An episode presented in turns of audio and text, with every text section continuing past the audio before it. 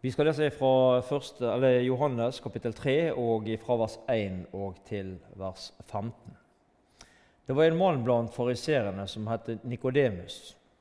Han er av jødenes rådsherrer. Han kom til Jesus om natten og sa til han, 'Rabbi, vi vet at du er en lærer kommet fra Gud, for ingen kan gjøre disse tegn som du gjør, uten at Gud er med ham.' Jesus svarte og sa til ham, 'Sannelig, sannelig, sier jeg deg, uten at en blir født på ny, kan en ikke se Guds rike.' Nikodemus sier til ham, 'Hvordan kan et menneske bli født når han er gammel?' Kan han vel eh, annen gang komme inn i sin mors liv og bli født? Jesus sier, 'Sannelig, sannelig, sier jeg deg, uten at en blir født av vann og ånd, kan han ikke komme inn i Guds rike.' Det som er født av kjødet, er kjød, og det som er født av ånden, er ånd. Undre deg ikke over at jeg sa til deg, dere må bli født på ny. Vinden blåser dit den vil, du hører den suser, men du vet ikke hvor den kommer fra, og hvor den farer hen. Slik er det med hver den som er født av Ånden. Nikodemus svarte og sa til ham, Hvordan kan dette skje? Jesus svarte og sa til ham, Du er Israels lærer og vet ikke dette. Sannelig, sannelig, sier jeg deg, vi taler om det vi vet, og vitner om det vi har sett og dere tar ikke imot vårt vitnesbyrd. Når jeg har talt til dere om jordiske ting, og dere ikke tror, hvordan kan dere da tro dersom jeg taler til dere om de himmelske? Og ingen har steget opp til himmelen uten Han som har steget ned fra himmelen, menneskesønnen, som er i himmelen. Og like som Moses opphøyet slangen i ørkenen, slik må menneskesønnen bli opphøyet for at hver den som tror på Han, skal ha evig liv. Nikodemus var et, man, et, medlem i jødenes høye råd, også kalt synderiet. Forut for denne teksten som vi leser her i dag, så har Jesus renska tempelet. Det var kommet inn eh, elementer i tempelet som eh, ikke skulle være der. Tempelet var gjort om til en eh, salgsbod, og Jesus gikk inn i tempelet og rydda opp i dette. Nikodemus var en fariseer. Og Når vi går inn og ser litt eh, bak dette, så ser vi at fariseerne ikke var eh, så opptatt av tempelet som sadukeerne var.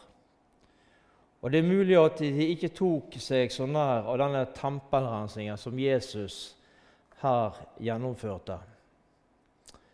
Og Derfor så var det ikke noe problem for en fariseer å oppsøke Jesus rett etter denne hendelsen. Dette her, Denne Nikodemus som vi snakker om her, det er samme Nikodemus som eh, var sammen med Josef fra Arimathea og begravde Jesu legeme. Du husker kanskje lignelsen om eh, fariseeren og tolleren.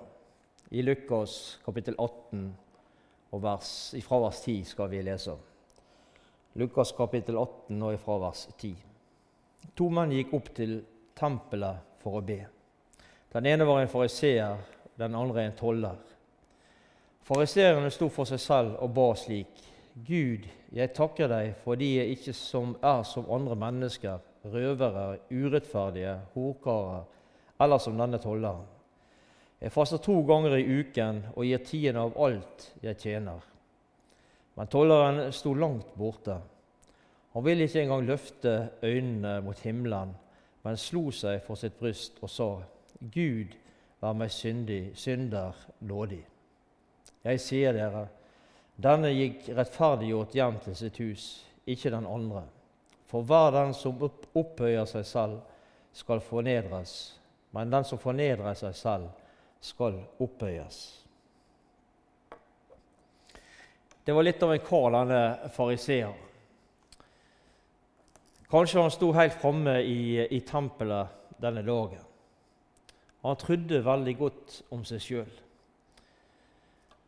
Han takker Gud for at han ikke var som eh, andre mennesker, og iallfall ikke slik som denne tolleren som var kommet inn i tempelet denne dagen. Jeg faster to ganger i uken og gir tiden av alt jeg tjener.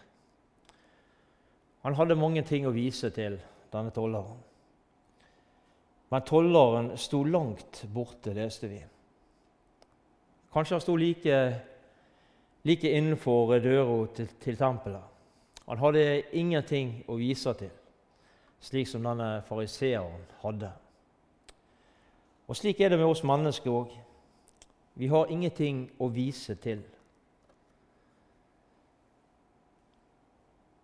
Denne tolleren han ville ikke engang løfte øynene sine mot himmelen, men det sto at han slo seg for brystet og sa, 'Gud, vær meg synder nådig.'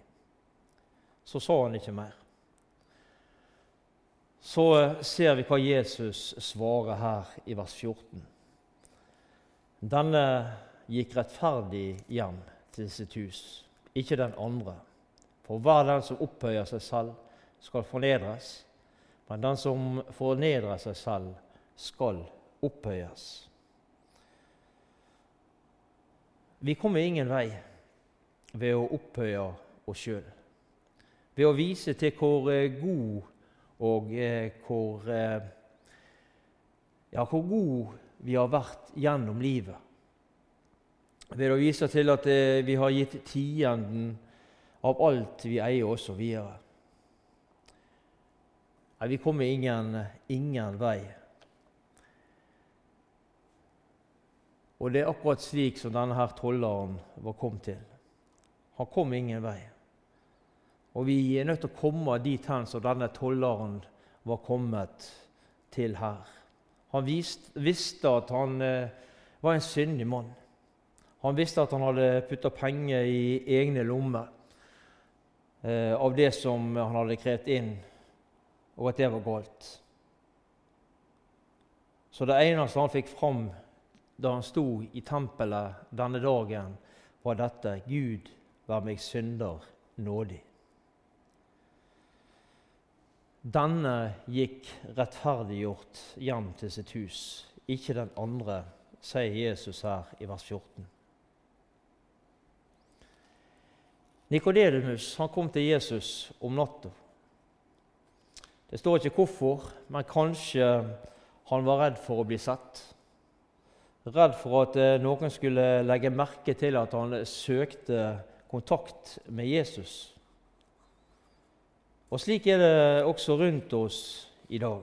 Det er mange mennesker som, eh, som er redd for at andre skal se at de har bruk for Jesus. Det er mange mennesker som folder sine hender og som ber aftenbønnen sin under dyna når ingen ser dem. Det er mange som leser sin bibel på sengen når ingen ser dem. For en eh, god del år tilbake så, eh, så hadde vi en ungdomsklubb hjemme på bedehuset der jeg kommer ifra. Og I julegave ett år så ga vi en eh, såkalt bikersbibel til disse. I den sto det Nytestamentet og en del vitnesbyrd av forskjellige personer i det kristne amsemiljøet i Norge. Og En av disse ungdommene han, han kom bort til meg etter å ha åpnet denne julegaven når han hadde pakka den ut. Og så eh, sa han dette at 'jeg har lest i Bibelen', som jeg fikk fra, på barneskolen, sa han. Mange ganger etter at jeg eh, har lagt meg om kveldene. Og Så fikk vi en fin samtale omkring dette. Påviste at eh, denne ungdommen las Bibelen når ingen andre så han. Det viser oss at det er mennesker som søker etter Jesus, som leter etter han og vil ha kontakt med han når ingen andre ser det. Nett slik var Nikodemus. Nikodemus erkjenner her i vers 2 som vi leser i teksten vår, at Jesus han er Guds sønn. For det var ingen som kunne gjøre slike tegn og under som han kunne gjøre. Han var ikke i tvil om at Jesus var Guds sønn. Jesus han svarte ikke direkte på det som Nikodemus sier til ham, men han sier uten at en blir født på ny, kan han ikke se Guds rike. Nikodemus forsto ikke hva Jesus mente med dette. Hva vil det si å bli født på ny? Da skal vi eh, lese noen eh, skriftsteder. Og vi skal gå til eh, 2. Korinterbrev, kapittel 5. Og vi skal lese vers 17. Derfor, om noen er i Kristus, da er han en ny skapning. Det gamle er forbi, se alt er blitt nytt. Og videre så går vi til uh, Johannes. Vi skal gå til første Johannesbrev, og vi skal lese noen vers derifra. Første Johannesbrev, kapittel 4 eh, og vers 7. Mine kjære, la oss elske hverandre for kjærligheten er av Gud, og hver den som elsker, er født av Gud og Gud og kjenner Gud. Og fra eh, kapittel 5 i 1. Eh, Johannes så leser vi vers 1.: Hver den som tror at Jesus er Kristus, er født av Gud. Og hver den som elsker Faderen, elsker også den som er født av Han. Å bli født på ny er altså en ny begynnelse. En ny begynnelse. Ikke en gjentagelse av den første fødsel, men en ny begynnelse som du får når du sier ja til Jesus i ditt hjerte. Da begynner noe nytt i ditt liv.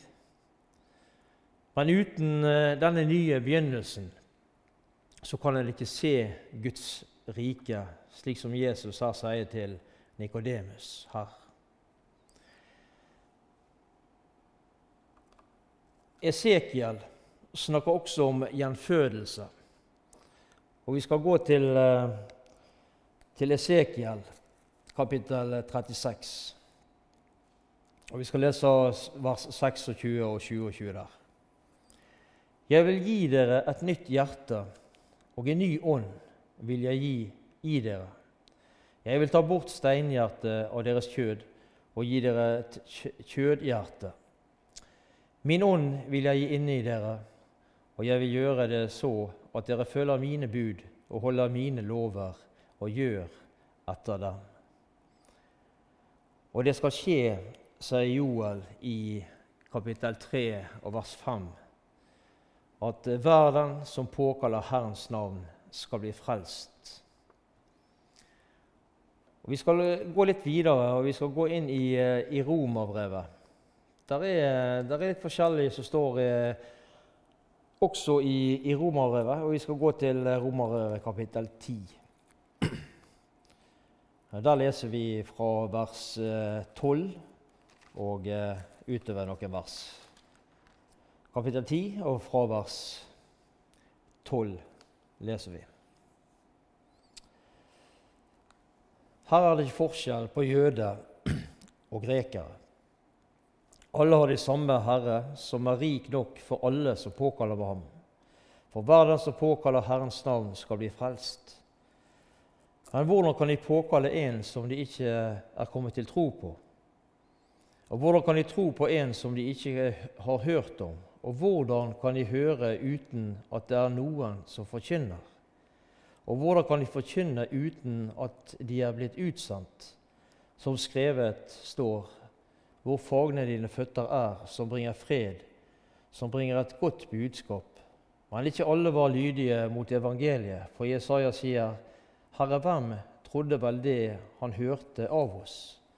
Så kommer da troen av forkynnelsen som en hører, og forkynnelsen som en hører, kommer ved Kristi ord. Her i, eh, i vers 14 og 15 så stilles det fire spørsmål. Hvordan kan de påkalle en som de ikke har eh, kommet til tro på? Og hvordan kan de tro på en de ikke har hørt om? Hvordan kan de høre uten at det er noen som forkynner? Og hvordan kan de forkynne uten at de er blitt utsendt? Det er mange mennesker som ikke kjenner Gud, som ikke vet hva Jesus har gjort for dem ved sin død og oppstandelse. Og jeg merker det spesielt blant uh, unge mennesker som vokser opp i dag. Mange av de har ikke begrep om uh, hva det vil si å være en kristen, være en, en Jesu etterfølger. Jeg merker det når jeg er ute på leirplassen på, på Fjelli ute på Sotra, blant barn og ungdom der. Og Så ser vi det at det er mange som, eh, som sliter, og som, eh, der det er få mennesker, få folk som eh, vil ta ansvar. Det er leirene fullbooka, og mange barn og ungdom ønsker å reise på leir, men, men leirene står i fare for å bli avlyst fordi at det er, det er ikke noe som, de har ikke nok ledere. Og så er det møtevirksomhet som står i fare for å bli nedlagt, fordi det ikke er noen som vil ta ansvaret med det rundt omkring. Og Slik kunne en ha nevnt mange ting. Men vi skal gå til Jesaja, og vi skal lese eh, hvordan eh, Jesaja opplever det å bli kalt til tjeneste av Gud. Og Vi går til Jesaja kapittel 6, og vi skal lese fra vers 1. I det året da kong Ussia døde, så er Herren sitte på en høy, opphøyet trone. Slepet av hans kåpe fylte tempelet. Serafer sto omkring han, seks vinger hadde hver. Med to dekket han ansiktet, og med to dekket han føttene, og med to fløy han. Og Den ene ropte til den andre og sa, Hellig, hellig, hellig er Herren, herskarenes Gud. All jord, jorden er full av Hans herlighet. Dørportenes faste bevet ved røsten som ropte, og huset ble fylt med røk. Da sa jeg, ved meg, jeg er fortapt, for jeg er en mann med urene lepper. Jeg bor midt iblant et folk med urene lepper og mine øyne har sett Kongen, Herren, herskernes Gud. Da fløy en av serafene bort til meg. Han hadde en glødende stein i hånden. Med en tang hadde han tatt den fra alteret. Og han rørte ved min munn og med den og sa, Se, den, eh, denne har rørt ved dine lepper. Din misgjerning er tatt bort, og din synd er sonet. Da hørte jeg Herrens røst. Hvem skal jeg sende, og hvem vil gå for oss? Da sa jeg, Se, her er jeg, send meg. Her I dette som vi leste her, så får Jesaja et konkret spørsmål. Hvem skal jeg sende? Og hvem er det som eh, vil gå? Jesaja følte seg helt sikkert ikke høy i hatten når han hørte dette. Når han sto der og mottok dette spørsmålet. Men det levner ingen tvil. Da sa jeg, leste vi, se, her er jeg, send meg. Jesaja sa ja til Herrens kall til å forkynne det som Herren la på hans hjerte. Og det var ikke noe lystig budskap han hadde å komme med. Nei, Her i kapittel 6 så, så kalles dette kapittelet til Jesaja for, eh, for eh, forherdelsesdommen. Det var det Jesaja fikk å gå med, det budskapet han skulle gå med til folket. Men han gikk på Herren sitt ord. Og hvordan er det med oss? Hva svarer vi når Herren spør, når Han kommer og spør oss? Hvem skal jeg sende, og hvem vil gå? Du som har sagt ja til Jesus, du som er en Jesu etterfølger. Herren trenger deg i sitt arbeid for å, for å få flere med på veien. Han trenger deg i sin tjeneste. Han trenger deg i bønnekampen. Hva svarer du når han spør deg? Ikke meg nå igjen. Kan du ikke spørre en annen i dag? Jeg har jo så mye jeg skulle ha gjort, og så har vi mange unnskyldninger for å slippe unna? Eller svarer du som eh, Jesajas gjorde? Her er jeg, sann meg. Vi synger en sang 'Jesus, her er jeg, sann meg'. Jeg vil leve mitt liv i tjeneste for deg.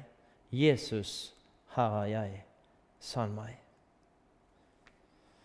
La oss ha, alle ha denne innstillingen her som, eh, om at jeg vil leve mitt liv i tjeneste for deg. Jeg vil gå, Herre, når du ber meg om å gå. Jeg vil gjøre det som du ønsker jeg skal gjøre Herre. Jeg vil leve mitt liv i tjeneste for deg. Og så er det én ting som du skal eh, ta med deg ifra denne talen som du hører i dag. Herren kaller ikke deg til tjeneste og lar deg være alene. Nei, han vil være med. Han vil gå med. Han vil stå ved din side. Han vil utruste deg i den tjenesten som han har kaller deg til.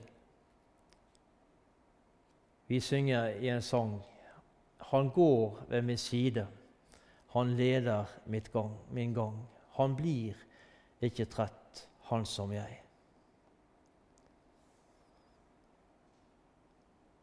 Og nådig han vokter meg livsdagen lang. Han sviker ei svikter meg ei. Hvor du snur han er vende deg, så er han der for deg, for å støtte deg, for å hjelpe deg og å gi deg de krefter som du trenger i den tjenesten som han har kalt deg til. Han lar deg ikke gå alene. Han er der for deg, og han er der med deg. Slik er Jesus. Har Han kalt deg, så vil Han også gå med deg. Undrer deg ikke, sier Jesus til Nikodemus, at jeg sa til deg at eh, du må bli født på ny. Det er ikke et forslag eh, som Jesus her fremsetter. Nei, det er en befaling. Det er ingen annen måte å komme inn i Guds rike på enn eller inn i himmelen. Jeg er veien, sannheten og livet. Det er ingen annen vei enn gjennom Jesus og det han har gjort for deg. Ser du dette? Ser du at hvis du ikke har, for å si det slik, den tilnærmelsen så må du bli født på ny. Akkurat slik som Jesus sier til eh, Nikodemus. Du må bli født på ny. Dere må bli født på ny. Og Vi kan ta med oss et vers fra predikanten. Predikanten, er altså forkynneren, det er vel det som eh, kanskje står i mange bibler. Men eh, og Vi skal lese fra vers, eh, kapittel 11 der i, i Forkynneren, alle predikanten, og vi skal lese vers 5. Kapittel 11 og vers 5. Like lite som du vet hva vei vinden farer, eller hvordan benene blir dannet i mors liv, like lite vet du hva Gud vil gjøre, Han som gjør det alt sammen.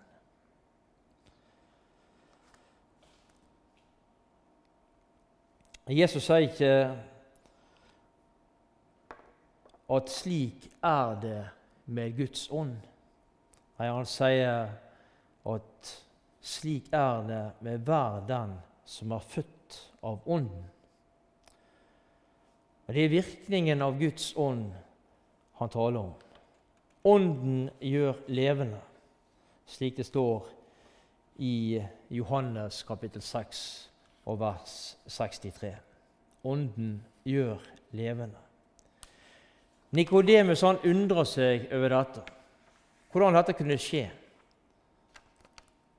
Han var velutdanna, denne personen her. Og han var helt sikkert en dyktig mann. Han kunne helt sikkert veldig mye. Men det, det er ikke kunnskapen om dette som er avgjørende.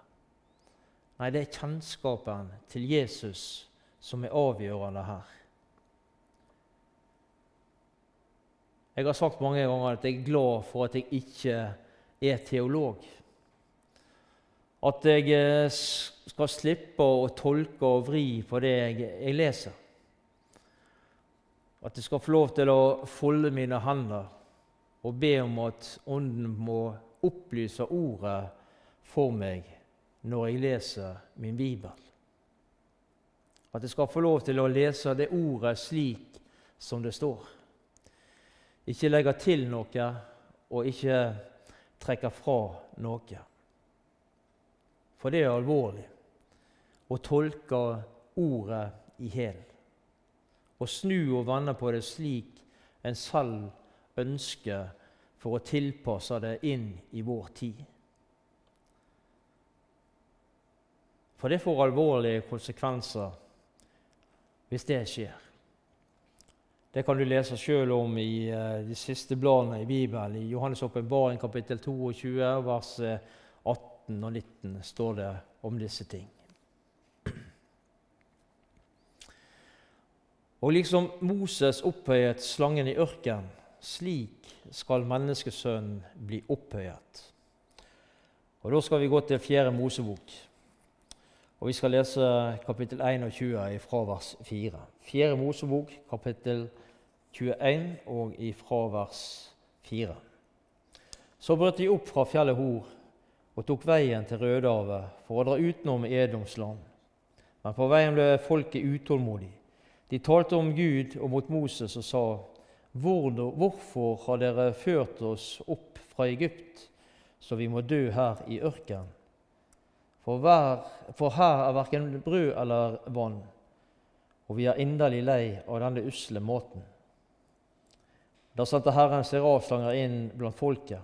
De vet folket, og mye folk av Israel døde. Så kom folket til Moses og sa:" Vi har syndet fordi vi har talt mot Herren og mot deg. Be til Herren at han vil ta slangene bort fra oss. Og Moses ba for folket. Da sa Herren til Moses.: La deg en serafslange og sett den på en merkestang. Så skal, dere, så skal hver den som er bitt og ser på den, få leve. Så laget Moses en kobberslange og satte den på en merkestang. Og når en, slange hadde bitt noen, og han så på kobberslangen, ble han i livet.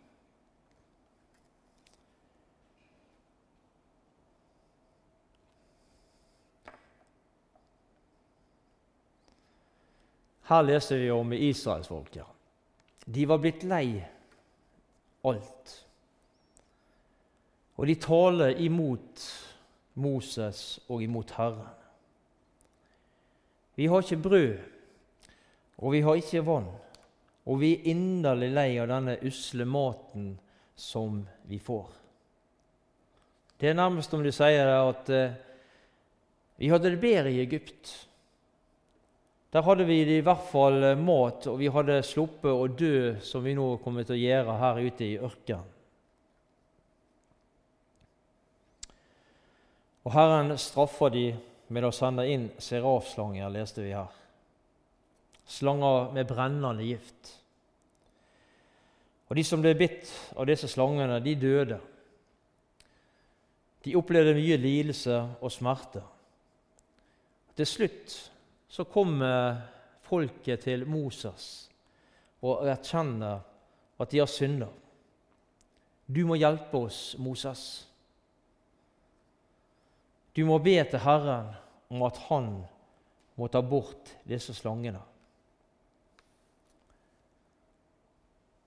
Og Herren han ber Moses å lage en serafslange av kobber og henge den opp på en stang.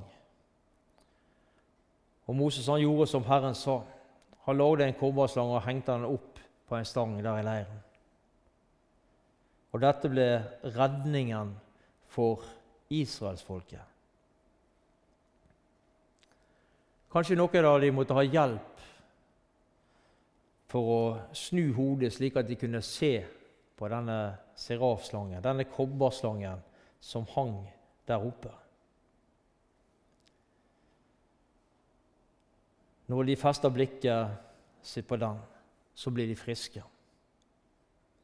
Dette vet vi er et bilde på Jesus' korsfestelse. Der han hang, og der han henger på, på korset. Det var ikke en vanlig slange som var lik de andre. Men altså, Slangen var lik serafslangene, de, den kobberslangen som ble lagt, men han var ulik allikevel. Og Det samme var det med Jesus. For denne slangen hadde ingen gift. Og Jesus han var født inn i, jord, i, i menneskets skikkelse her på jorden uten synd. Det var forskjellen også for Jesus. Det fantes ikke synd ved ham. da han eh, ble korsfesta oppe på korset, da var det våre synder han tok på seg. Og i Kolosserbrevet kapittel 2 og vers 14 så leser vi ja, vi leser et fantastisk vers som er vel, eh, eh, vel å legge merke til. I Kolosserbrevet kapittel 14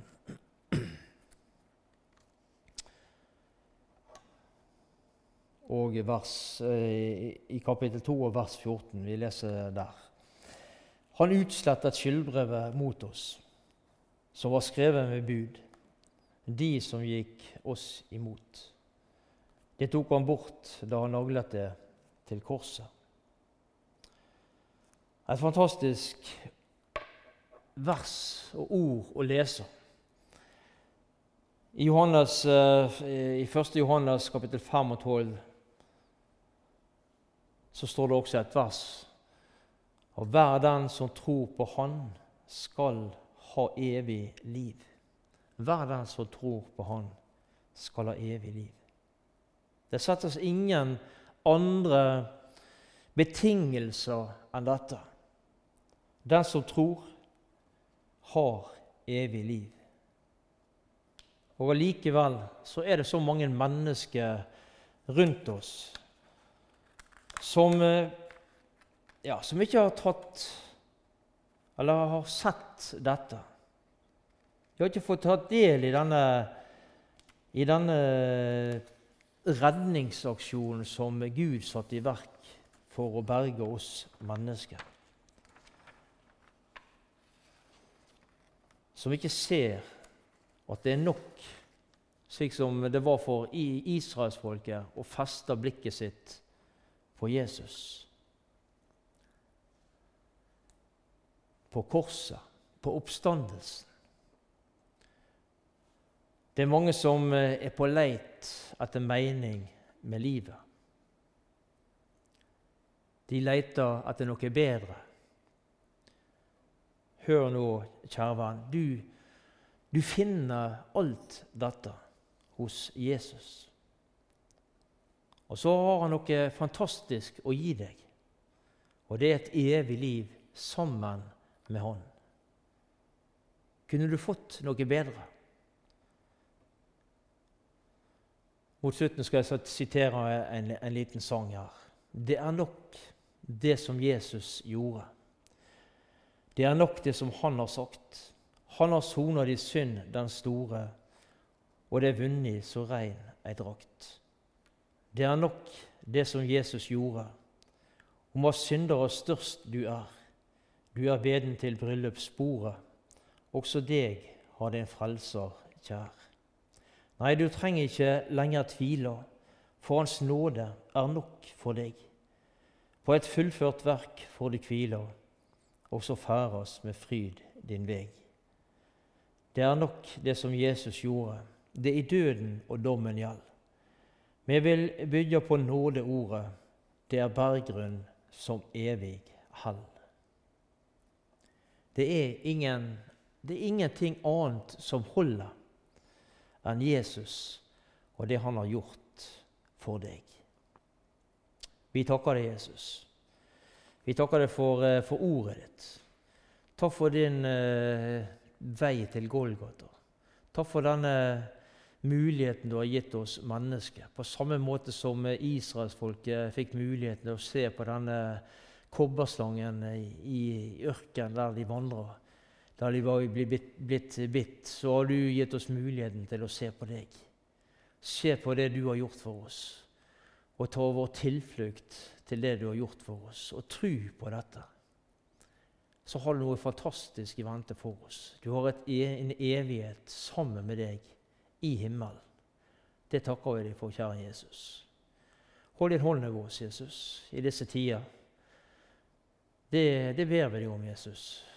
La oss få lov til å, å være et redskap i din hånd, der vi kan få lov til å, til å formidle ditt gledesbudskap til våre medmennesker.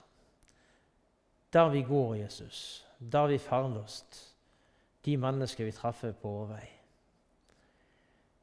Det ber vi deg om, Jesus. Så må du eh, verne om oss alle. La oss få lov til å eh, få lov til å leve et liv sammen med deg, Jesus, der vi kan få lov til å søke inn til deg gjennom ditt ord. I disse tidene som vi lever i nå, Jesus, så ber vi deg om at du må holde din vernende hånd rundt eh, de mennesker som eh, går her i arken, Jesus. De mennesker som bor her på Askøy og ellers i Norges land. Som er kanskje redde for, eh, for eh, de tingene som skjer rundt oss. Må du eh, må du være hos deg, Jesus. Må du eh, være med dem. Så må du ta hånd om hver enkelt av oss i ditt hellige navn. Amen.